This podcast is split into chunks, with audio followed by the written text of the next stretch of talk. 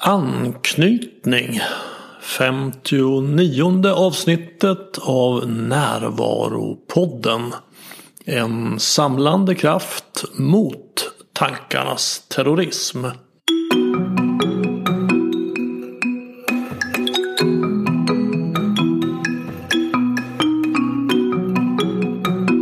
Det här är Bengt Renander och jag strävar efter att komma med ett nytt avsnitt av Närvaropodden varannan vecka.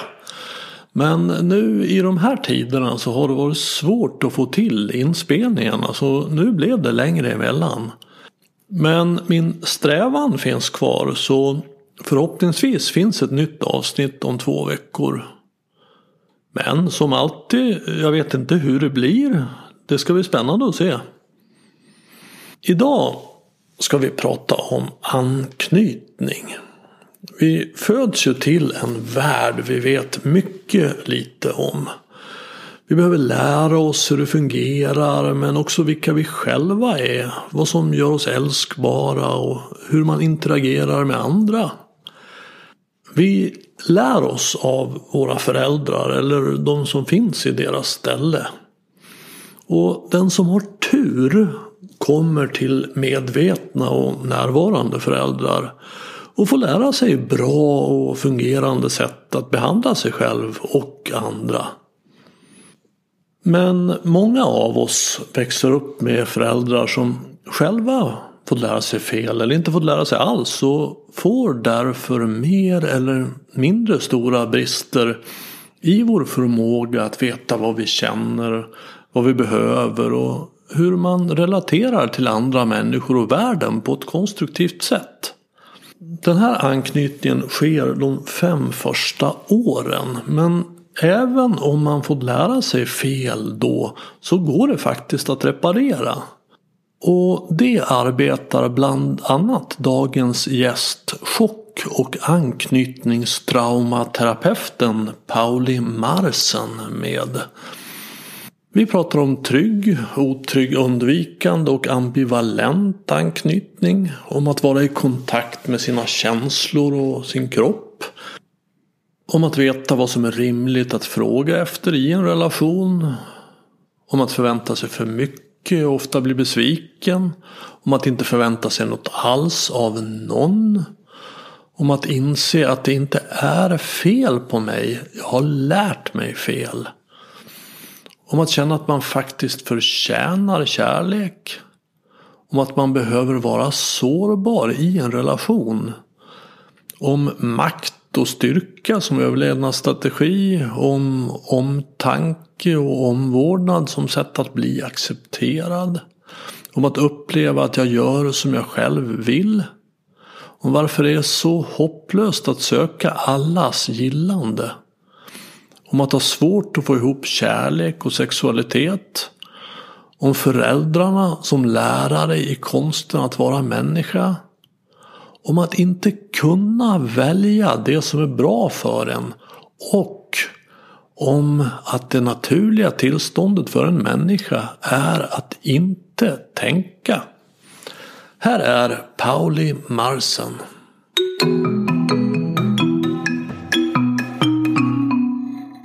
Mitten av 1900-talet kommer då forskare som börjar intressera sig för de här sakerna.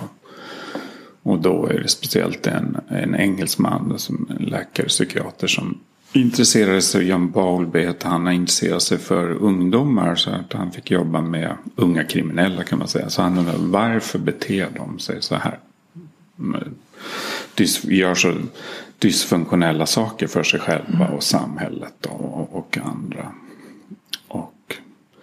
Är det här någonting som ja, de bara är så? Eller finns det någon anledning? Och då såg han då att ja, men de här unga pojkarna som det var. De, de har inte haft det lätt i sin uppväxt. Mm. De lever ut stressbeteenden kan man säga. Väldigt förenklat. Och sen hade han då en elev som ett, från Kanada en, som heter Mary Ainsworth. Som tittade mer på, gjorde då experiment där man kunde titta på anknytning, hur den faktiskt såg ut. Och där hon kommer fram till att det finns trygg anknytning. Så experimentet var att vi är ett rum med en mamma och ett litet barn. Och sen går mamman ut och sen kommer hon tillbaka och så tittar man på den här interaktionen. Och det hon såg det att det finns trygg anknytning. Mamman går ut, mamman kommer tillbaka, barnet blir tröstat och tryggt igen. Och sen finns det otrygg anknytning i två olika varianter. Och den ena är då otrygg, eh, orolig kan man säga. Att man, mamma går ut, kommer tillbaka, barnet blir inte tröstat. Barnet kan inte använda mamma som en resurs och komma tillbaka till här och nu och bli närvarande. Så den kallas ambivalent eller otrygg. Och sen finns det en eh, otrygg som är undvikande. Så att mamman kommer tillbaka och barnet har gett upp kontakten. Så undermedvetet säger barnet, nej men det är ingen idé. Den här personen, min mamma eller den som ersätter den. Den kan man inte lita på. Den har försvunnit så många gånger. Så det enda som jag kan göra nu är att stänga av. Och försöka skydda mig själv för att knyta an igen. kommer bara såra mig igen. Så det är en ganska fundamental förståelse av vad är anknytning. Anknytning betyder att någon behöver finnas där tillräckligt mycket så att jag hela tiden får mina grundläggande behov tillgodosedda. Om inte det händer då kommer jag antingen bli orolig och kräva det som jag inte har fått men inte kunna ta det till mig. Eller jag kommer att ge upp och bli undvikande och försöka klara mig själv. Och då får jag inte lära mig de här kompetenserna i båda de fallen. Och sen senare forskare lagt till en tredje form av otrygg som kallas kaotiskt. Det är när det blir chocktrauma. Det vill säga att föräldern ger sig på barnet. Så barnet måste skydda sig från föräldern som ska vara tryggheten och ta hand om barnet. Så det är en mer extrem variant av traumatisering där anknytningen blir eh, någonting som blir farligt. Mm. Och då blir det väldigt svårt för närsystemet att hantera. Den här personen som ska hjälpa mig är den som gör mig illa. Mm. Så det här är grunden till anknytningsförståelse. Och sen så min lärare Larry Hellet utvecklat det här. Differentierat det, tittat på det, skapat en metod. För de skapade inga metoder. Hur kan man jobba med det här? Utan det här var mer forskning. Hur ser det ut? Någonting som har fått mig eller som har kastat ett förklarande ljus för mig på det här med mm. anknytningsmönster är att, att ett barn har två grundläggande behov. Det ena är nyfikenhet som ja. tar oss ut och utforskar världen. Ja. Det andra är trygghet. Ja. Som, som, när jag blir rädd och blir osäker så kan jag tanka trygghet. Precis. Och i en fungerande uppväxt då får jag stöd i båda de här. Precis. Att utforska världen och jag får trygghet när jag behöver. Ja. Och ett barn är ju också, eftersom kärlek är ett överlevnadsvillkor för ett barn. Det är det. Så är de experter på att räkna ut. Ja. Vad vill de här föräldrarna ha för barn? Hur kan jag få kärlek? I alla fall någonting. Precis. Och det är det som jag kallar för överlevnadsstrategier utifrån Larry Hellers metod. om inte tryggheten är tillräcklig då gör jag det här. Försöker lista ut vad ska jag Exakt. göra eller inte göra för att få någonting. Och, och, många barn lär ju sig då att om jag klarar mig själv. Ja. Alltså, det kan vara att föräldrarna har ett eget ja. drama som pågår. Så det är mm. jättebekvämt om barnen klarar sig själv. Ja. Så jag, jag lär mig att jag är älskbar om jag klarar mig själv. Precis. Då hamnar jag i det här otrygga undvikande anknytningsmönstret. Ja, precis. Och har jag föräldrar som är själva väldigt ambivalenta. Ibland när, när jag försöker utforska världen i min nyfikenhet. Ja. ja då vill de gulla. Ja. Så då kommer de och ska, ska ge trygghet. Fast det är inte det man behöver. Ja. Och ibland när man behöver trygghet så får man inte det. Vad dumt det är. Gå ut och... Då kommer man i den ambivalenta. Precis. Anknytningen. Ja. Det här skapar då olika typer av självbild, världsbild, vad relationer är eller inte är. Och skapar överlevnadsstrategier som gör att jag försöker få saker på ett kanske inte helt livsbejakande sätt. Mm. Och bli besviken om jag inte lyckas med det. För att de här behoven av att bli mött i de här fem faserna då. Och lära sig de här fem förmågorna. Som lärare hellre, min lärare Inarma utvecklat. Och är så vad är det för fem förmågor om vi bara ska ta överskrifterna? Ja, lite kort bara så. Ja. Den första perioden är då tiden i magen och födseln de första sex månaderna. Så nu finns det forskning att redan när man är i mammas mage kan man bli stressad. Mm. Så man kan mäta det nu.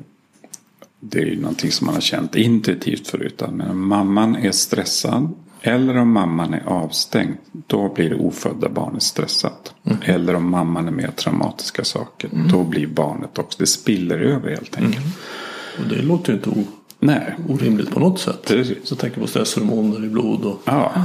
Men förutom att tänka att alla barn har någon slags eh, helhetsupplevelse. Man ligger där och simmar omkring i en trygg kapsel och sånt. Så för många av oss var det inte alls så. Mm. Utan det var i perioder eller under hela graviditeten någon form av stress. Mm. Och om man har haft en, och det behöver inte vara perfekt, men det behöver vara tillräckligt tryggt eller reparation är det som visar sig viktigt. Så om man blir stressad, att man får en reparation. Så livet kommer att hända. Vi kommer att bli stressade eller traumatiserade. Men trauma är att man aldrig får någon reparation. Okay. Så är om någon mamma som bär ett barn blir stressad. Reparationen är att hon blir närvarande och kärleksfull till sitt barn. Mm. Så det är inte det stressmomentet eller stressperioden. Utan det är bristen på reparation. Mm. Det är som fysisk återhämtning efter en ja, ansträngning. Precis. Så vi behöver den här reparationen. Och då får vi den här som kallas medreglering. Det, det lilla barnet under den här första fasen upp till sex månaders ålder efter födseln är helt beroende av att bli upplockad, tröstad, hållen, skyddad. Mm. Och om föräldern då inte är tillgänglig för det av olika anledningar. Eh, då använder barnet instinktivt en överlevnadsstrategi som går ut på dissociation. Det är så här, om ingen finns här för mig, ja, då kommer jag uppleva så stark ångest. Ett litet barn som ligger, en bebis mm. som ligger och skriker om ingen kommer plocka upp den. Då upplever den en slags biologisk ångest. Det vill säga, plockar ingen upp mig då kommer jag dö. Vilket ja, det är, är dödsångest. Det är dödsångest. Ja. Och det är ett faktum mm. i naturen. Verkligen. Blir man inte upplockad när man är så liten, vad händer då? Antingen dör man ju svält och kyla eller så blir man uppäten av ett vilddjur. Mm. Så den biologiska ångesten och det desperata behovet att få den här anknytningen är ju reell. Mm. Men om man inte får den då drivs man mot en gräns där man inte längre kan vara med upplevelsen. Ångesten blir för stark och då tar nervsystemet över och skickar oss in i chock och dissociation. Och om vi då inte får den här reparationen då blir vi kvar i det här dissocierade tillståndet. Mm. Och ska vi säga dissocierad till, vad, vad är det? Vad betyder det? Dissociera betyder att man eh, går bort ifrån kontakt. Så mm. associerad, du och jag nu mm. associerar i ett samtal här. Eller man pratar om associationer, det är mm. folk som går samman i en mm. grupp. Så dissociation, det är motsatsen. Mm. Och stänger av. Stänger av tappar kontakt med. Och vad är det som man dissocierar från i den här tidiga fasen? Man dissocierar från sina kroppsupplevelser. Genom att gå mot huvudet eller så att säga lämna kroppen. Så en dissociation bort ifrån att vara närvarande i kroppen. Man mm. dissocierar bort ifrån relationen. Man går in i ett undvikande därför att relationen är för utmanande. Mm. Det vill säga bristen på att någon finns där gör att jag har de här jobbiga känslorna. Mm. Därför vill jag gärna undvika att utsätta mig för det. Så dra mig bort från relation. Mm. Men jag också dra mig bort ifrån känslor. Mm. Därför att de här känslorna som jag har.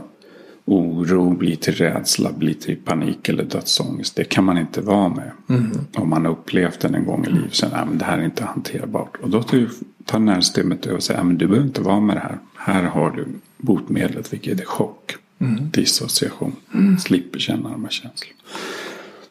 Så jag lär mig att stänga av eller då sluta vara i kontakt med mitt känsloliv. Och egentligen handlar det också om att för att överleva. Det är för att överleva. Därför att att vara i kontakt med mitt känsloliv, kroppen där det här händer och relationen eller bristen på relation där det här händer är överväldigande. Mm. Därför att det lilla barnet är helt beroende av medreglering. Av att det finns ett tryggt nervsystem, en trygg kropp, en trygg närvaro. En tryggt ansikte, en trygg röst, en mm. trygg famn. Kommunicera till det här lilla barnet att ah, men det är ingen fara här. Mm. Jag visar dig att faran är över. Och mm. då blir barnet tryggt. Men om inte den här kroppen, de här känslorna här i den som plockar upp barnet är närvarande. Då spelar det ingen roll. Mm. Då händer inte den här medregleringen. Och det är det som blir då ödesdigert för ett barn. Man har en vårdnadsgivare som plockar upp en men inte är närvarande. Då sker inte den här medregleringen. Mm.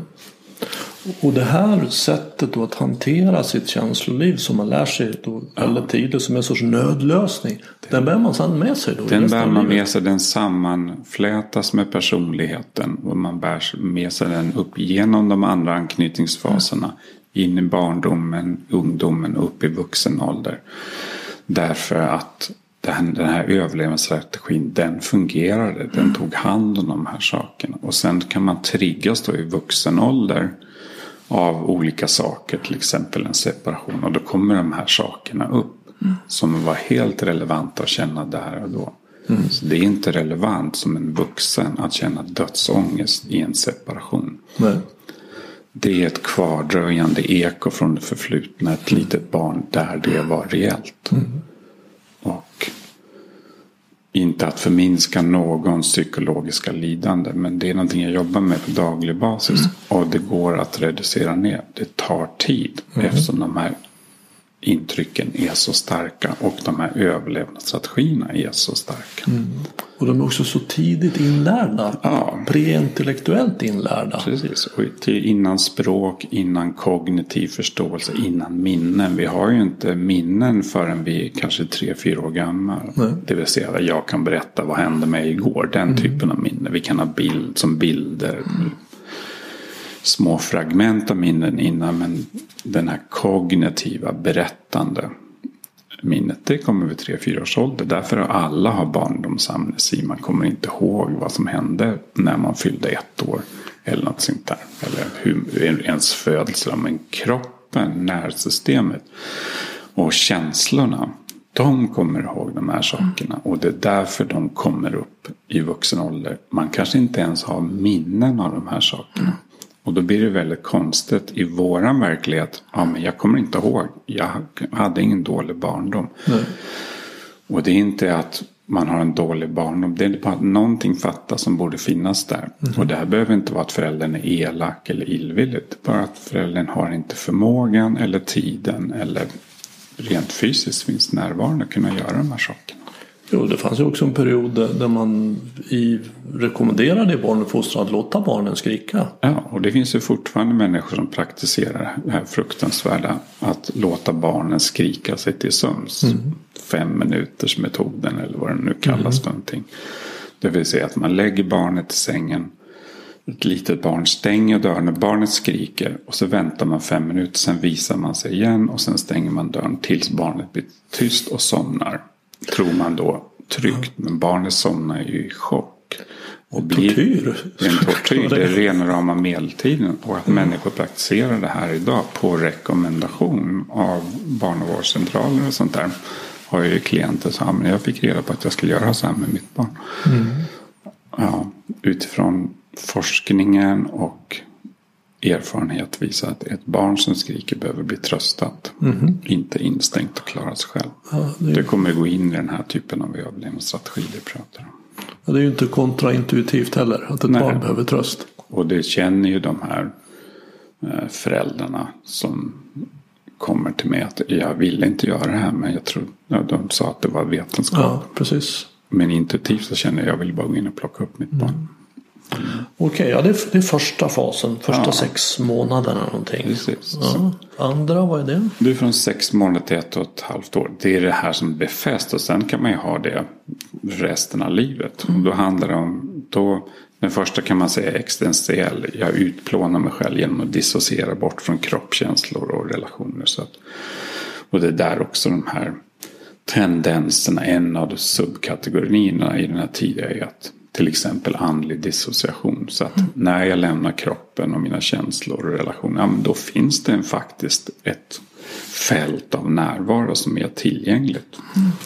Och då kan jag etablera mig där och sen utveckla det som ett sätt att slippa vara i relation, vara i mina känslor och vara i kroppen. Som en, till exempel en andlig väg eller disciplin. Så jag blir mer andlig än människa. Precis. Och sen finns det någonting som är vad jag kallar integrerad andlighet. Det vill säga att jag kan vara i min kropp. Jag kan vara i relation. Jag kan känna mänskliga känslor. Det är inte utmanande. Men jag har samtidigt kontakt med en andlighet. Mm. Då är en andlig människa. Du är en andlig människa. Mm. Så den här andra fasen då. Om jag inte råkat ut för det här tidigare. Mer existentiella så handlar det här då mer om behov. Så redan när vi är sex månader gamla. Så börjar vi röra oss ur det här som kallas för symbios. Det vill säga att mamman eller den som ersätter mamman och barnet är en enhet. Så, så redan vid sex månader finns en intelligens som instinktivt undermedvetet känner här är jag och där är du. Och jag har de här behoven och du ska tillfredsställa de här behoven. Och redan då kan jag känna så här. Du kanske inte har förmågan att möta upp mina behov. Så det här är min mamma jag känner att så här mycket kan hon möta mina behov. Och då anpassar jag mitt behovsuttryck och min protest mot att jag inte får det jag behöver till hur mycket jag kan få. Och då dissociera resten av mina behov. Så jag kan få en viss mängd av mina behov tillgodosedda. Men jag har större behov. De här större delen, den tar jag bort, dissocierar. Plockar bort dämpar. Uttrycker till den nivå jag kan få mina behov tillgodosedda. Och nöjer mig med det. Och sen blir det här ett beteende som i vuxen ålder gör att jag har inte kontakt längre med mina grundläggande behov. Har svårt att uttrycka dem. Har svårt att få dem tillgodosedda. Så kompetensen som jag ska lära mig i den här fasen. Vilket är en ganska kort period på ett år ungefär. Det är att kunna vara i kontakt med mina genuina behov. Uttrycka dem. Och få dem tillgodosedda. Och som jag då dämpar mina behov som vuxen genom att deprimera dem. Så depression är ett verb, inte ett substantiv. Så jag deprimerar mig själv. I det här fallet mina känslor. Mm-hmm. Min protest, vilska mot att jag inte får men också min oro och ångest att jag inte får de här behoven kan det gå illa för mig. Men också min skam, lilla barnet i sitt undermedvetna missuppfattar att om jag inte får det som jag behöver så beror det på mig. Och sen blir det en grund till dålig självkänsla som vuxen eller att man har beteenden som inte är så livsbejakande därför att jag är inte värd det. Så här blir missuppfattning i barnet. Jag är inte värd att ta som hand om. Mina behov är inte viktiga. Ja, men då kan jag trycka bort dem genom en depressions handling. Men då deprimerar jag också min livsvitalitet. Jag de, deprimerar också mina sköna bra känslor. Och måste fortsätta att göra det här aktivt. Eftersom det är en handling som jag gör mot mig själv. Så när jag har behov som vuxen då blir de laddade, överkopplade med den här skammen. Att det är något fel med mig eller mina behov. Eller Svårt, det blir laddat att uttrycka, det blir laddat att få det här. Och man kanske riktar det mot en person, sin partner till exempel. Som kanske inte har förmågan eller intresset att ge mig de här behoven. Och så blir det ett drama mellan två vuxna människor kring barnsliga behov. Kan, kan gå till båda ytterändarna. En är att jag kräver att min partner ska tillfredsställa Ja. alla mina behov. Precis. Jag är väldigt besviken och Ja, inte gör det. Eller att jag inte förväntar mig någonting av någon.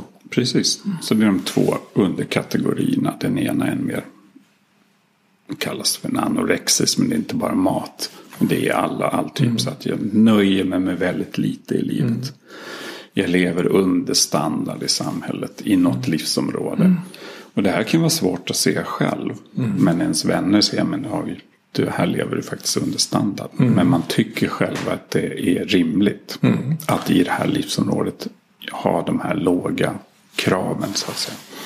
Ja, för om man tittar inåt det som sker så är det alltid normalt i någon bemärkelse att det, det är ju så här det är. Ja, det blir en normalisering mm. och att det sammanflätas med personligheten och uppfattningen om vem jag är eller hur verkligheten är. Mm.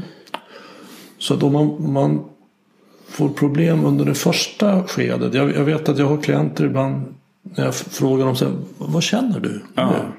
Och, och, jag ser in i ögonen på dem och jag ser på dem att de, de skulle, jag skulle kunna kunna fråga vad händer på Saturnus just Precis. nu. Och det, För de har ingen aning. De har ingen aning och det är det som det är lite märkliga är att de har faktiskt inte kontakt med vad de känner, sin kropp mm. eller kanske ens att de är i relation. Och sen är jag också ibland med om att jag frågar vad behöver du? Precis. Och får du samma blick att de har ingen aning. Ja, och då, då är vi minne mer i sex månader till ett och ett halvt år. Ja, där grunden till det här läggs. Och sen mm. så kan ju det vara ett tema som man har hela barndomen eller hela ungdomen. Och, mm.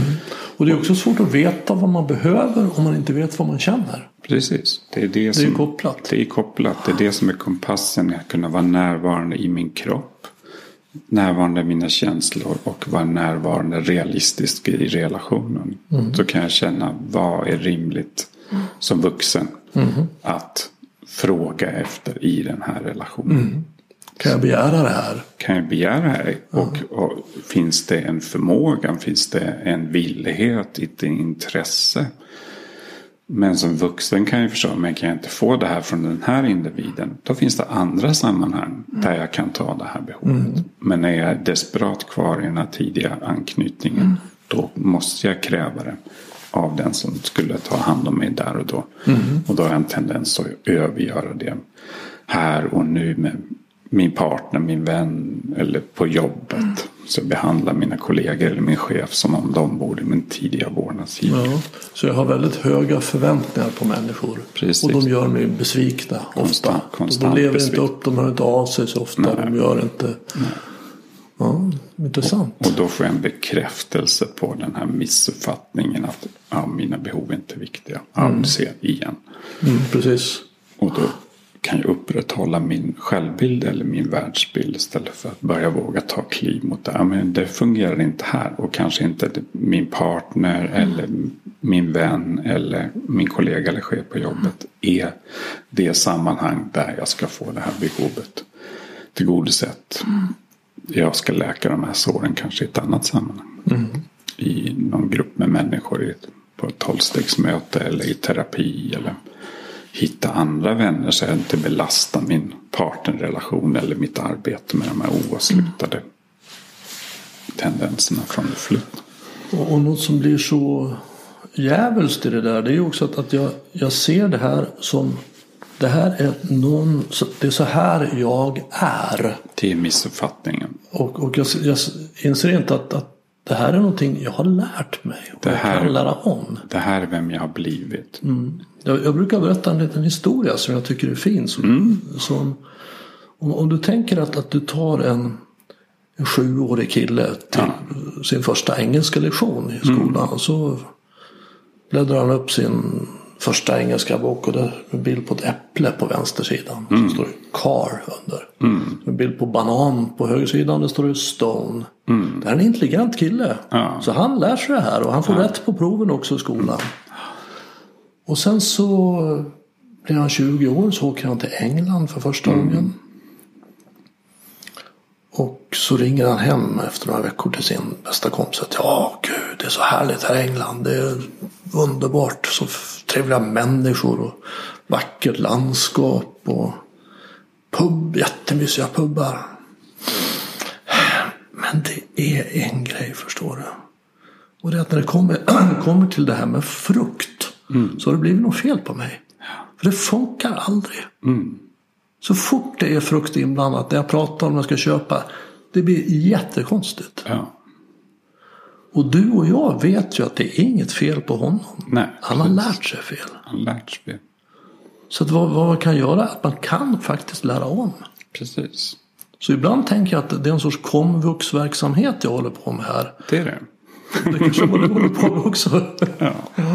Det är en reparation av det som borde ha hänt där och då. Man borde ha fått lärt sig de här förmågorna. Exakt. Men man blir en felinlärning.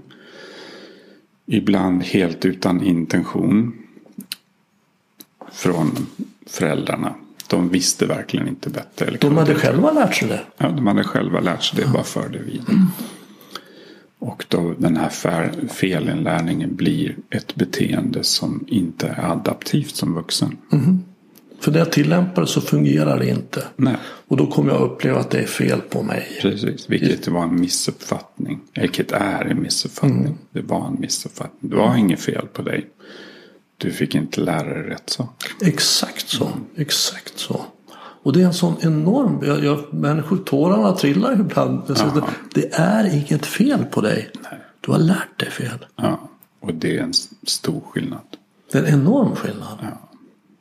För jag har trott att jag kan inte det här. Jag kan inte det här med frukt. eller ha en relation eller ett arbete eller vad det nu är. Och då finns det ett hopp att komma ut ur de här tendenserna och hitta ett sätt att eh, kanske första gången lära sig de här förmågorna. För om man då säger till den här killen att, att du, prova att göra så här. Här att gå in i fruktaffären och säga Can I have an apple please? Ja. Men då kommer han att protestera. Vadå apple? Det heter ju, det heter ju car.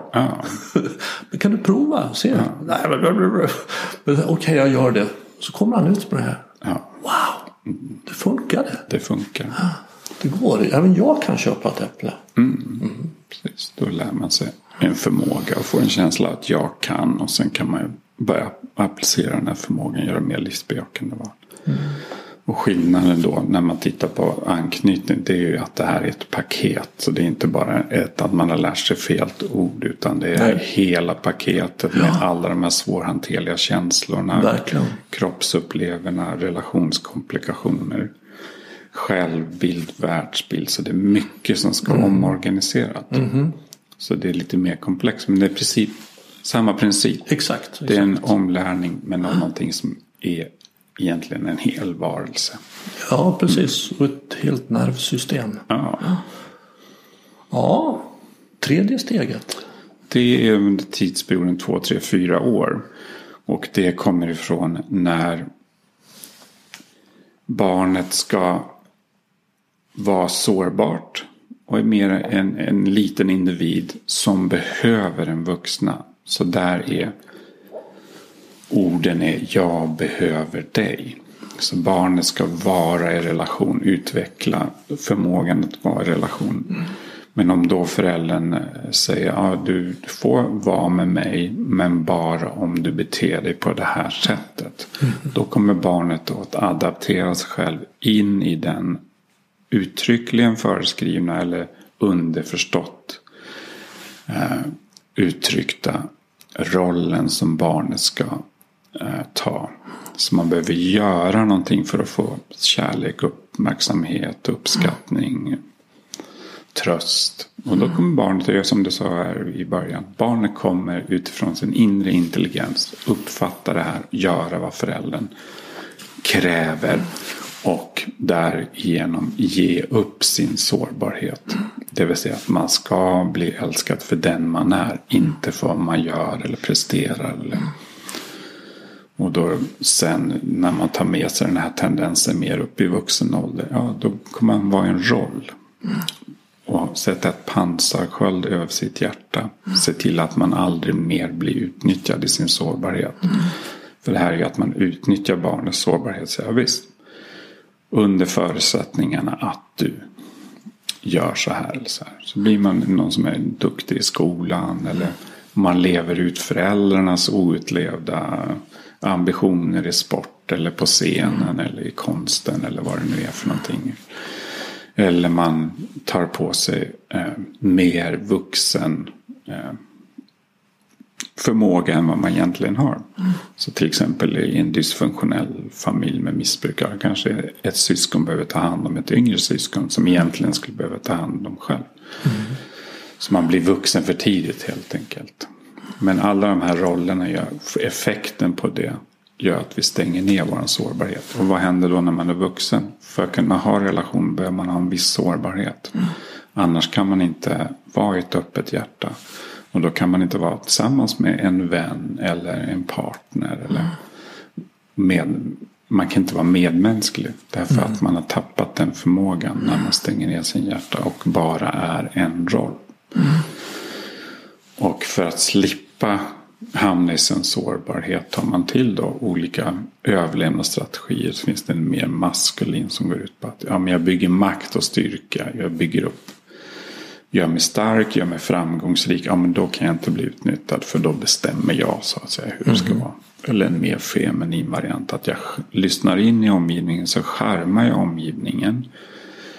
Jag förställer mig själv, förvrider mig in i en roll. Så jag kan ge dig eller er vad ni vill ha. Mm. Men jag är inte mig själv. Mm. Jag är bara eh, någon som uppträder. Så, så det får en negativ effekt. Oförmåga att vara spontan, öppen och sårbar i mm. relationer som vuxen. Man måste hela tiden ha koll på andra eller situationer för annars kan man bli sårad.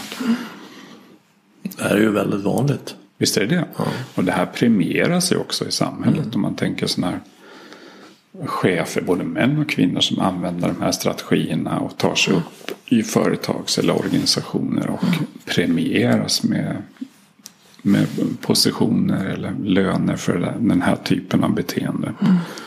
Men sen på hemmaplan är svårt att få ihop det här med funktionella personliga relationer. Mm. Och det finns ju också en, en gnagande upplevelse av att jag lever inte riktigt mitt liv. Så är det. Utan det här är någonting som jag håller på här på något sätt. Ja. Som är en sorts överlevnadsstrategi. En bokstavligt. Där jag har övergett mig själv. Ja. Mm. Så jag lever inte mitt eget liv. Jag lever en förväntning. Mm. Ja. Och jag brukar säga till mina klienter att om vi ska sammanfatta målet för det vi håller på med här. Mm. Det är att du ska kunna säga att jag gör som jag själv vill. Ja. Det är inte egoism på något sätt. Utan jag kommer från en punkt i mig ja. som är i harmoni med det som jag gör. Precis. Och det är nyckeln och förmågan i nästa, den fjärde fasen är just den ja. kapaciteten. Och, och vad är den fjärde fasen? Då? Den fjärde fasen är samma tidsperiod, två, tre, fyra år när det här befästs och sen bär man med sig det upp i, i vuxen ålder. Och det är någonting som vi kallar omvänd anknytning. Det vill säga att barnet två, tre, fyra år ska börja uttrycka mer av sin självständighet. Så barnet säger kan själv, jag vill inte, nej. När föräldern, Så man har rört sig ur det här symbiotiska där man vill samma sak så att säga. Så här vill man börja prova sina egna vingar lite grann och uttrycka en egen vilja. Som inte är samma vilja som föräldern. Mm. Om då föräldern blir otrygg av att barnet tar självständiga steg och ska bli mer autonom. Mm. Det vill säga börja röra sig bort. Mm. Jag klarar mig själv. Vilket barnet ju inte gör. Men det behöver få prova att ta de här stegen lite bort från mamman och pappan. Eller mm. den som ersätter dem. Och sen få komma tillbaka när, man, det. när det blev lite läskigt. Mm. Men om föräldern då själv har otrygg oavslutad anknytning. Då kommer föräldern medvetet eller undermedvetet att stoppa den här autonomirörelsen. Hålla barn, tvinga barnet att vara nära för att föräldern inte själv ska bli orolig. Mm. Eller om föräldern har väldigt sådana strikta idéer om uppfostran och sånt där som gör att barnet inte får prova mm. och inte får komma tillbaka. Men barnet ska få göra den här pendlingsrörelsen, röra mig bort och komma tillbaka. Mm. Och då bygger jag kapacitet att gå längre och längre bort från föräldern så att säga. Mm. Jag bygger en förmåga att jag kan. Det är det jag ska lära mig här. Att jag får en livsimpuls i kontakt med mig själv. Jag följer den Och föräldern stödjer med det i den rörelsen inom rimlighetens gränser. Mm. Man ska ju inte tillåta ett barn att, springa fritt på gator och torg när mm. vi inte kan uppfatta bilars rörelse. Så det är inte det. Föräldern sätter ju trygga gränser. Mm. Men på lek, i lekparken eller i andra, barnet inte får prova och söka sig ut. Utan den skulle sitta här med mamma och hålla mamma i handen. För mm. mamma blir så orolig när du klättrar på klätterställningen. Bara för att ta ett sånt enkelt exempel. Ja. Då känner barnet så här, oj, om jag följer min livsimpuls nu och mm. säger jag vill det här. Men min förälder vill inte det. Om jag följer min självständighetsrörelse då kommer jag förlora anknytningen. Mm. Och det är ju inte bra för mig. Jag klarar mig fortfarande inte själv. Mm. Jag är inte autonom. Jag håller på att öva. Jag vill lära mig med det. Mm. Men föräldern säger nej. Men om jag stannar och sitter och tröstar mamma eller pappa. Mm. Eller visar att jag inte vill någonting annat. Då förlorar jag den här förmågan. Jag lär mig inte den. Och sen börjar jag med med den här tendensen upp i vuxen ålder. Och då blir att jag känner någonting och uttrycker det kan jag inte tolerera andra människors responser. Mm. Och det är det jag ska lära mig, börja lära mig här. Är att vad jag känner och när jag uttrycker det så blir jag mött i det. Mm. Ibland med en gränssättning. Men det här får du inte göra än. Men när det är rimligt får jag lära mig det här att mina livsimpulser behöver inte vara de samma som mina föräldrars. Mm. Och vad det här blir grunden då till vuxen, det vi kallar medberoende. Att man är översensitiv för vad andra människor eh, känner för mina mm. livsbeslut. Mm. Och i socialiseringsprocessen ska jag lära mig det som ett barn inte kan. Det vill säga att tolerera mer eller mindre starka reaktioner från andra på mina livsbeslut. Mm. Som jag känner, det här vill jag göra. Så jag gör mitt arbete till exempel. Mm. Jag och Pauli. Då finns det människor som älskar det arbetet. De säger det här har varit räddning i mitt liv och allt har blivit så mycket bättre. Eller jag älskar det du gör. Så finns det andra som hatar. Jag hatar det där. Det är helt galet det han gör. Det är inte alls bra. Och sen finns det några som gillar. Så, ja, jag gillar det. Men det är inte jättestarka. Eller man säger, ja, men jag ogillar. Jag gick dit, det var inte vad jag hade förväntat mig. Så finns det människor som är helt neutrala. Mm. Och det är de flesta. Mm. De säger, ja han gör det här. Ja, ja. Vad bra, eller ja, låt honom göra det. Jag har mm. ingen respons på det. Mm. Och de här fem responserna. Hur än vi beter oss som vuxna. Vad vi tar på oss för kläder. Vad vi säger, vad vi har för åsikter, vad vi har för levnadsstil. Kommer någon att älska det, någon kommer att hata det, någon kommer att gilla det, någon kommer att ogilla det och de flesta kommer att vara neutrala. Mm. Mm. Jag brukar dela in dem i tre för att ja. göra det ännu enklare. För det finns ja. de som kommer att gilla det och som inte kommer att gilla det och de allra flesta kommer att säga Vadå Pauli, vem är det? Precis. Jag har aldrig hört talas om. Ja. Jag har hållit på här med en budgivning på en lägenhet så att jag har inte tid med sånt där. Ja, annat för sig som har annat för sig. Och, och inser att man kommer inte ifrån det. Hur man än beter sig så Nej. kommer dessa tre att uppstå. Ja, och det lilla barnet. Allting i anknytningen handlar om att få de här grundläggande behoven tillgodosedda. Vilket är att bli älskad. Mm. Olika former av att mm. bli älskad. Bli sedd, hörd, mottagen, respekterad. Det här är sitt uttryck. Inte felgjord och omhändertagen, tröstad, skyddad, få stöd för sin utveckling. Mm. Inom lämpliga ramar. Så barnet behöver bli älskat, vilket är en av de här fem. Och alla andra fyra är dålig idé mm. i anknytningen. Så att mm. bara bli gillad, mm. det räcker inte för anknytning. Mm. Man måste bli älskad, det vill säga att man får full uppmärksamhet. Mm. Även om det är en begränsad tid så får man den här inmatningen av den kompetens man håller på att lära sig. Så att man lär sig den och sen har tillgång till den för resten av livet. Men du menar att man behöver också erfara att bli ogillad? Man, man behöver i socialiseringsprocessen, de här första fem mm. åren, behöver man bli älskad mm. i alla de här faserna. Mm. Sen behöver man också i socialisering, när man har en trygg avslutad anknytning någonstans vid fem års ålder. Mm. Då ska anknytningen vara klar. Då ska mm. man ha lärt sig de här fem förmågorna. Mm. Så att man har det som en grund till att utvecklas socialt. Mm. Och därför börjar man då gå i skolan. Eller man puttas ut ur anknytningen. Och det mm. händer automatiskt. Mm. Någonstans där vid fyra, fem års ålder. och det femte då det är att barnet någonstans vid fyra års ålder börjar mer aktivt att uttrycka till föräldern, speciellt om motsatt kön, att jag älskar dig. Om barnet inte då blir mött så lilla pojken säger mamma jag älskar dig, jag vill gifta mig med dig. Mm. Det står som inte barnet blir mött i den här enkla kärleksförklaringen som kommer ifrån livet i barnet. Om barnet blir skam, belagt eller felgjort eller inte, inte bara inte mött. Mm. Då blir en uppfattning i barnet att min kärlek är inte värd någonting. Mm. Och det, för barnet är barnet vill jag bara ha en, en kram så att säga. Mm. Det vill säga att bli omfamnad i sin kropp av en förälder som är kärleksfull tillbaka mm. mot barnet. Som förälder säger ja, jag älskar dig också, kom hit så får du en kram. Det är den mm. naturliga responsen. Så man inte får det av olika anledningar då blir det en splittring i mellan kropp och kärlek, mellan hjärta och det fysiska som sen när puberteten och vuxenåldern kommer spiller över i att det blir svårt att få ihop det här med intimitet och närhet, sexualitet med ett öppet hjärta. Det blir en mm. splittring. Mm.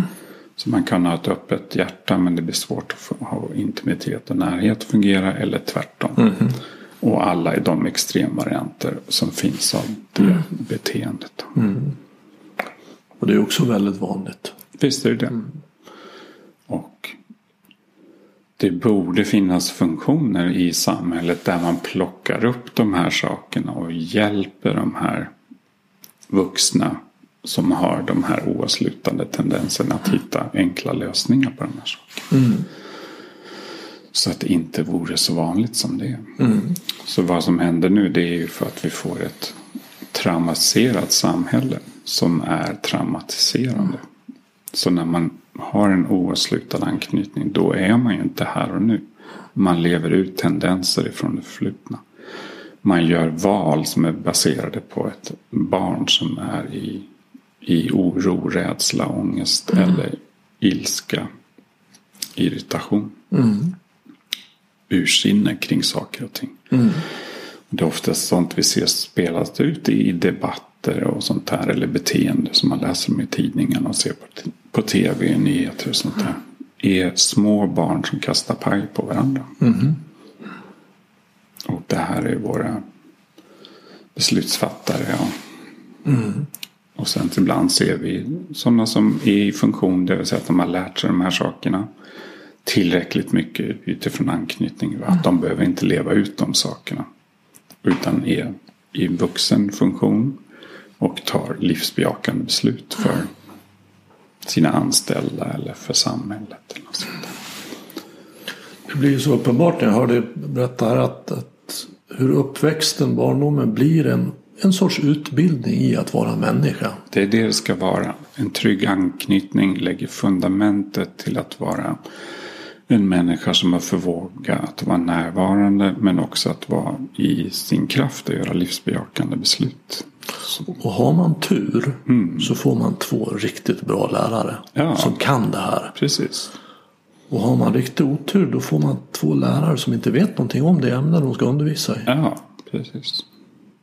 Och sen Därför har vi hela skalan ja. emellan där. Ja. Och förhoppningsvis då det här med reparation. Så även om man inte haft en trygg anknytning så kan man ju reparera sin oavslutade anknytning. Med någon som har kompetensen att hjälpa en. Att förstå vilken fas är det där det har gått lite snett för mig. Vad var det för grundläggande förmåga som jag faktiskt inte har lärt mig. Vilka överlevnadsstrategier har jag tagit till för att hantera den här oförmågan.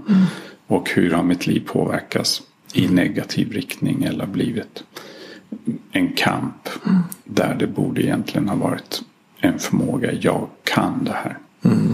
Jag borde ha fått det med mig. Men i många fall är det inte så. Mm. Och sen är det mer eller mindre extremt. extremvarianten av det här är ju psykiatri. Mm. Och det jobbar inte jag med. Jag är inte psykiater eller läkare. Mm. Men jag jobbar med de mer mildare formerna. Mm. Där man kan coacha eller hjälpa en människa ur de här tendenserna. Mm. Så det man märker är ju egentligen ett symptom i livet. Jag har svårt att bibehålla en relation. Ja. Eller jag har svårt att lita på människor. Eller vad det är. Och det kommer man till dig med. Och... Det är symptomen som är nyckelhålet in i den här komplexiteten. Just det. Och då lyssnar du och så ser du att det här är nog redan i första stadiet som ja. det här har hänt någonting. Så över tid och ibland mm. på grund av att man inte kanske har minnen av de här sakerna eller inte förstått att det här är, är problematiskt kan det gå flera månader eller flera år innan det här uppdagas mm. i terapin. Beroende på hur frekvent man arbetar och hur pass mycket arbete man har gjort innan. Och en del i det här anar jag att det är ju att, att för det första att förstå det. Ja. Att se att det, det, är det här som har hänt och då ja. får det de här konsekvenserna. Mm. För det är ju begripligt. Det är begripligt ja. när man har en karta men har man ingen karta är det väldigt svårbegripligt. Nej, men menar, när vi pratar om ja. det här så mm. blir det begripligt. Det är, ju, det är ju på ett sätt väldigt logiskt. Ja. Jag har sagt några tillfällen att det, det, det, där var inte kontraintuitivt. Eller att det, där, det, det, är klart att det blir så. Men jag, jag gissar också att det räcker inte med förståelsen. Nej, och det är det som är missuppfattningen i vården då. Att det hjälper med KBT. Så att det hjälper med en förståelse, prata mm. om de här sakerna och få en handlingsplan. Mm. Gå ut och göra mer livsbejakande. Nu ska du göra de här sakerna. Men då miss, miss, eh, bedömer man situationen och förstår inte komplexiteten. Vad den här människan eh, hanterar. Den här mm. människan hanterar en djup, i princip dödsångest. Mm. Den, hand, den handskas med en skambeläggning som den har gjort mot sig själv mm. utan att ens förstå det. En missuppfattning att det var något fel på mig i de här olika faserna. Istället för att säga att jag fick inte lära mig det här för att det fanns inga förutsättningar mm. i min omgivning för den mm. inlärningen. Och också den här eh, protestilskan som jag måste hantera på något sätt. Jag, det är naturligt för ett barn att protestera mot mm. att jag inte får det jag behöver. Mm. Men den blir också i här, de här fallen felgjord. Mm. Så att när jag känner protestilska då vänder jag den mot mig själv. Mm. Speciellt om jag har mycket av den här missuppfattningen att ah, det var mig det berodde på. Mm. Då kommer jag döma mig själv, klandra mig själv göra saker mot mig själv som blir en del av överlevnadsstrategin. En form av självskadebeteende? Olika former av självskadebeteende och inte bara gilla sin kropp. Utan att inte kunna välja det som är bra för mig. Mm, mm. Och det är i alla livsområden. Det är relationer, det är boende, ekonomi, livsstil, mm. hälsa. Mm. Hur man beter sig. Ja, det får enormt stora konsekvenser. Det får väldigt stora konsekvenser. Man tänker, ja men jag är en människa som gör så här istället för att säga, så här har det blivit på grund av de här tendenserna. Mm. Och hade jag inte de här tendenserna och det här inre trycket och de här överlevnadsstrategierna som dämpar och trycker ner de här jobbiga upplevelserna, känslorna, oförmågan i mig att inte kunna göra, lyckas med de här grundläggande mm. förmågorna. Så, så vad gör du mer då än, än förståelsen? Vad, vad, vad... Det beror på vilken fas man har hamnat i då. Så, mm. så kan man också jobba då via kroppen. Mm. Så till exempel i den här första fasen. Där sitter ju stressfysiologin i kroppen. Därför mm. att vi har ingen personlighet att förvrida. Mm. När vi är nyfödda de första månaderna. Mm. Så vi har ingen personlighet. Den är någonting som vi ska bygga. Mm. Man kan säga, ja men titta den har en personlighet. Ja men det är någonting som den bär med sig eller ärvt från föräldrarna. Så det finns inget ego i ett Det finns inget, inget riktigt själv som kan säga mm. någonting. Utan det är en helhetsupplevelse av kropp, känslor och relation och, och liv som är mm som vi inte har något minne av. Vi kan ha en intuition eller en slags upplevelse av den här komplexa eh, livserfarenheten. I vi. Men vi kommer inte ihåg någonting av det. Så vad händer då? Jo, Det är att nervsystemet använder det som finns. Mm. Det är så att nervsystemet packar in stressen i en biologisk kropp. För det är det som finns. Det mm. finns ingen personlighet att förvrida. Mm. Så då hamnar stressen i olika delar av hjärnan. Speciellt nedre delen av hjärnan. Förlängda märgen, lillhjärnan. Den hamnar i mage och tarm. Mm. Då blir man ett kolikbarn eller så mm. matsmältningsproblembarn. Det hamnar i andningsapparaten så blir det mer så astma och sånt där. Det hamnar i kroppsspänningar, speciellt kring ryggraden. Mm. Extremvarianten det är skolios och ryggsmärtor, axlar. Mm. Sånt som man sen kanske inte känner som barn men som vuxen. Det gör mm. ont i kroppen för det är så mm. mycket spänningar. Som blir inflammation. Som blir smärta. Eller man packar in det i immunförsvaret för överdrivna immunförsvarsreaktioner. Mm. Och sen kombinerar man det här med ja, genetik och med livsstil. Det vill säga hur mycket näring har jag fått och hur mycket gifter har jag fått. Och mm. Hur pass tryggt är mitt nervsystem och alla de här sakerna. Så blir det det som på läkarspråk kallas för syndrom. Man har massa symptom men man har ingen organisk orsak. Mm. Det är ingen bakterie, virus eller mm. sjukdom. Men jag har de här symptomen och så mm. skickas man runt i vården till olika utredningar. Alltså, men du, du är inte sjuk. Det är ingen sjukdom. Ja, men jag har ju de här symptomen. Mm. Ja, de är relaterade till, har sin grund i stress. Mm. Så man blir sjuk av stress. Mm. Men man har ingen sjukdom. Det är symptom. Men mm. det är stressrelaterat. Mm. Det är syndrom. Och det kan då vara så tidig stress som under det första halvåret som, som ger återverkningar hela livet sen. Som påverkar en eller kommer upp när man plötsligt så får man smärtor när man är 50. Man har klarat sig så att säga. Mm. Men plötsligt när man är 50 får man ont i kroppen överallt. Mm. Och så gör man en utredning om det har vad det nu kallas för mm. fibromyalgi eller något sånt där. Ja, och man har ingen aning om vad det beror på. Nej, eller man gör inte den kopplingen alls. Man gör inte den här kopplingen eller att man får immun, autoimmuna sjukdomar mm. och sånt där. Som inte verkar ha någon organisk orsak. Mm. Pekar det mot tidig stress som man har packat in i kroppen. Mm. Och, och, vad gör du då? Då, då jobbar jag med att hålla på där stressen bor i kroppen. Mm. På att jobba på bänk helt enkelt. Mm. Så det är en metod där man ger stöd, till exempel bakhuvudet, binjurarna som är den körtel som producerar stress. Så vi har den här HPA-axeln som det kallas på läkarspråket. Producerar stresshormoner. Ja, mm. så in i hjärnan finns det som ett brandlarm. Väldigt förenklat. Mm. Hypotalamus amygdala. När vi upplever nervsystemet. Vi pratar om neuroception. Hur nervsystemet uppfattar någonting. Mm. Så kognitiv perception. Så du och jag sitter här så kan vi titta. Men här är ju ingenting farligt. Mm. Men då kan det vara att nervsystem lyssnar på andra signaler. Och uppfatta en fara och sätta igång den här automatiska responsen. Brandlarmet går igång. Hypotalamus skickar ett försekret till hypofysen som skickar i blodströmmen en förhormon till binjurarna som är körtel som sitter ovanpå njurarna. Mm som producerar stresshormoner. Så binjurarna har ingen egen vilja. De är som en gaspedal i en bil. Mm. Vem gasar? Jo, mm. föraren. Mm. Vem är föraren? Jo, hjärnan mm. med sin neuroception.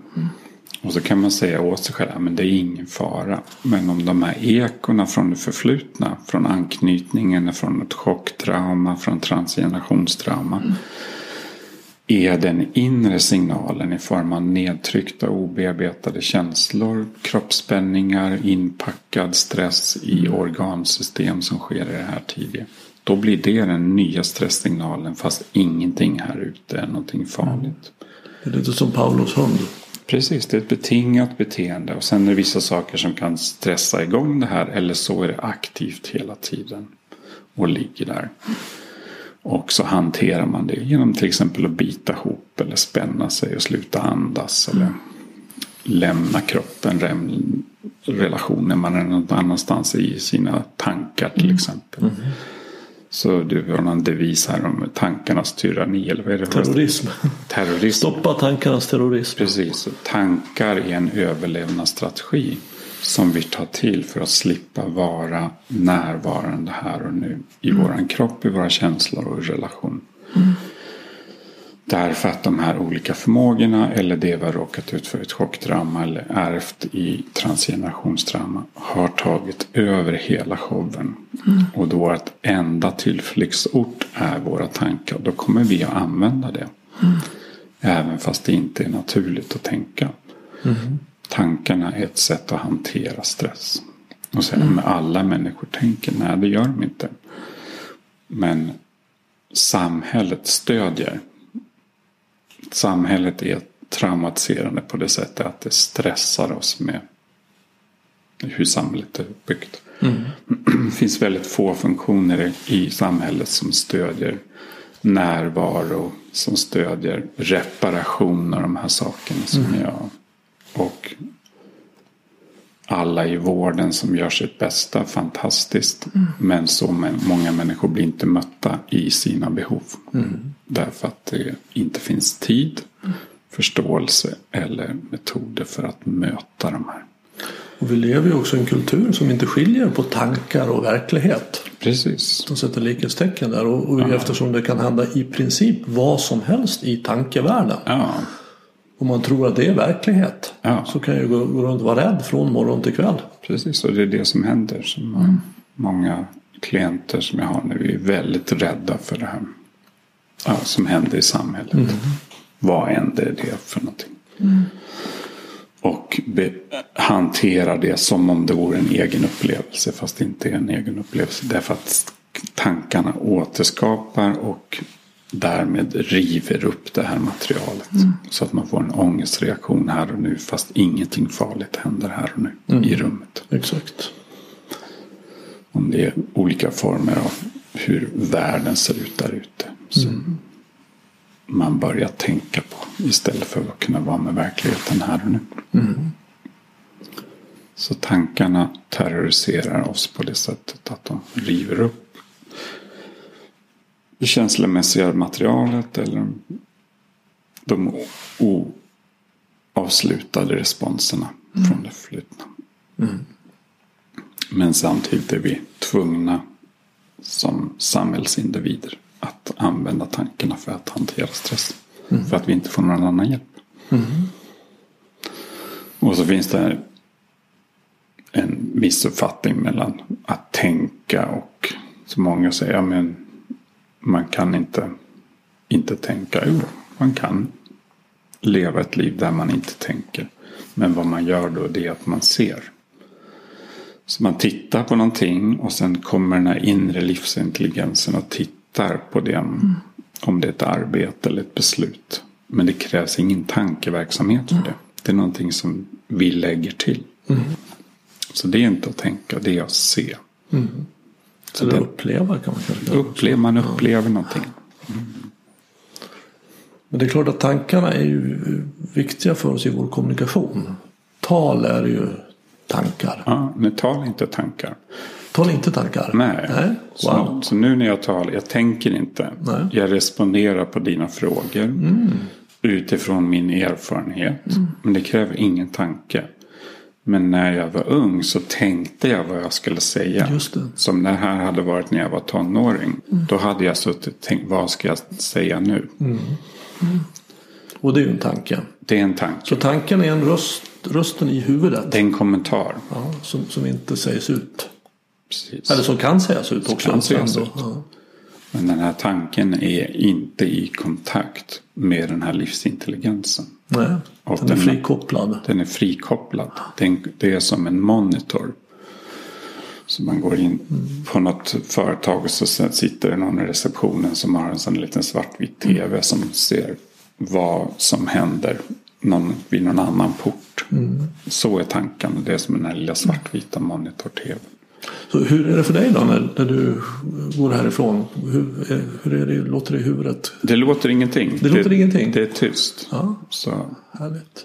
Den 19 eh, april 1998 mm. 16.05 slutade min, min kompulsiva tänkande.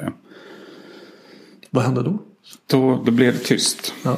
Var det något som hände i det yttre eller var det bara helt plötsligt? Det var i det inre. Jag satt i en bil på väg mot Norrland. Mm. Och så helt plötsligt var det som en inre rymd som öppnade upp. Mm. Och sen dess har jag inte tänkt. Mm. Wow. Så jag firade, det var nu i helgen. Så firade jag 22-årsdagen. wow. Jag skämsamt kallar min uppläxning idag men det, det, är bara en frihet från kompulsivt tänkande. Mm, absolut. Och det löser inte de här psykologiska djupare eller psy psykiska lagren. Med. Mm. Så det har jag fått jobba vidare med. Men det var skönt att inte ha den här kommentatorn som river upp det här materialet. Oh. Så jag kan vara med det här materialet i min process där och då. Att kunna vara närvarande utan att tankarna river upp materialet eller kommenterar och tar mig bort ifrån en process. Mm. Så det naturliga tillståndet för en människa är att inte tänka. Men det kan bara hända på en plattform av tillräckligt mycket trygghet. Mm. Så när vi är i obearbetad stress kommer vi att tänka kompulsivt som en överlevnadsstrategi. Ja, för det finns inget som drar bort vår närvaro så mycket som just rädsla. Precis. Och då behöver man hitta överlevnadsstrategier. Ja.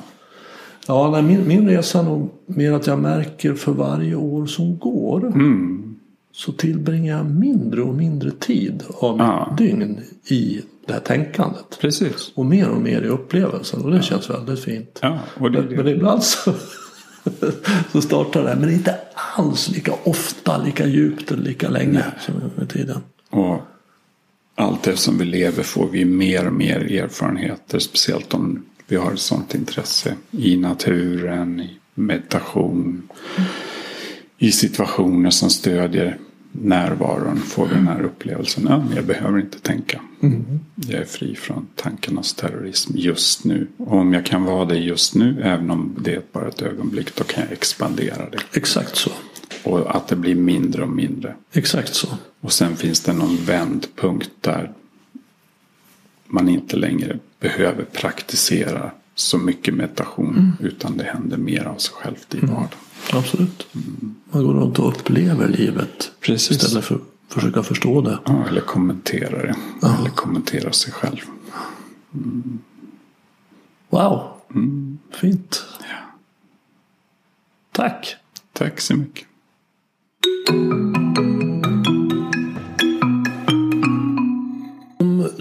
vill veta mer om Paulis arbete eller komma i kontakt med honom så finns en länk till hans hemsida i anslutning till det här avsnittet på min hemsida renander.nu.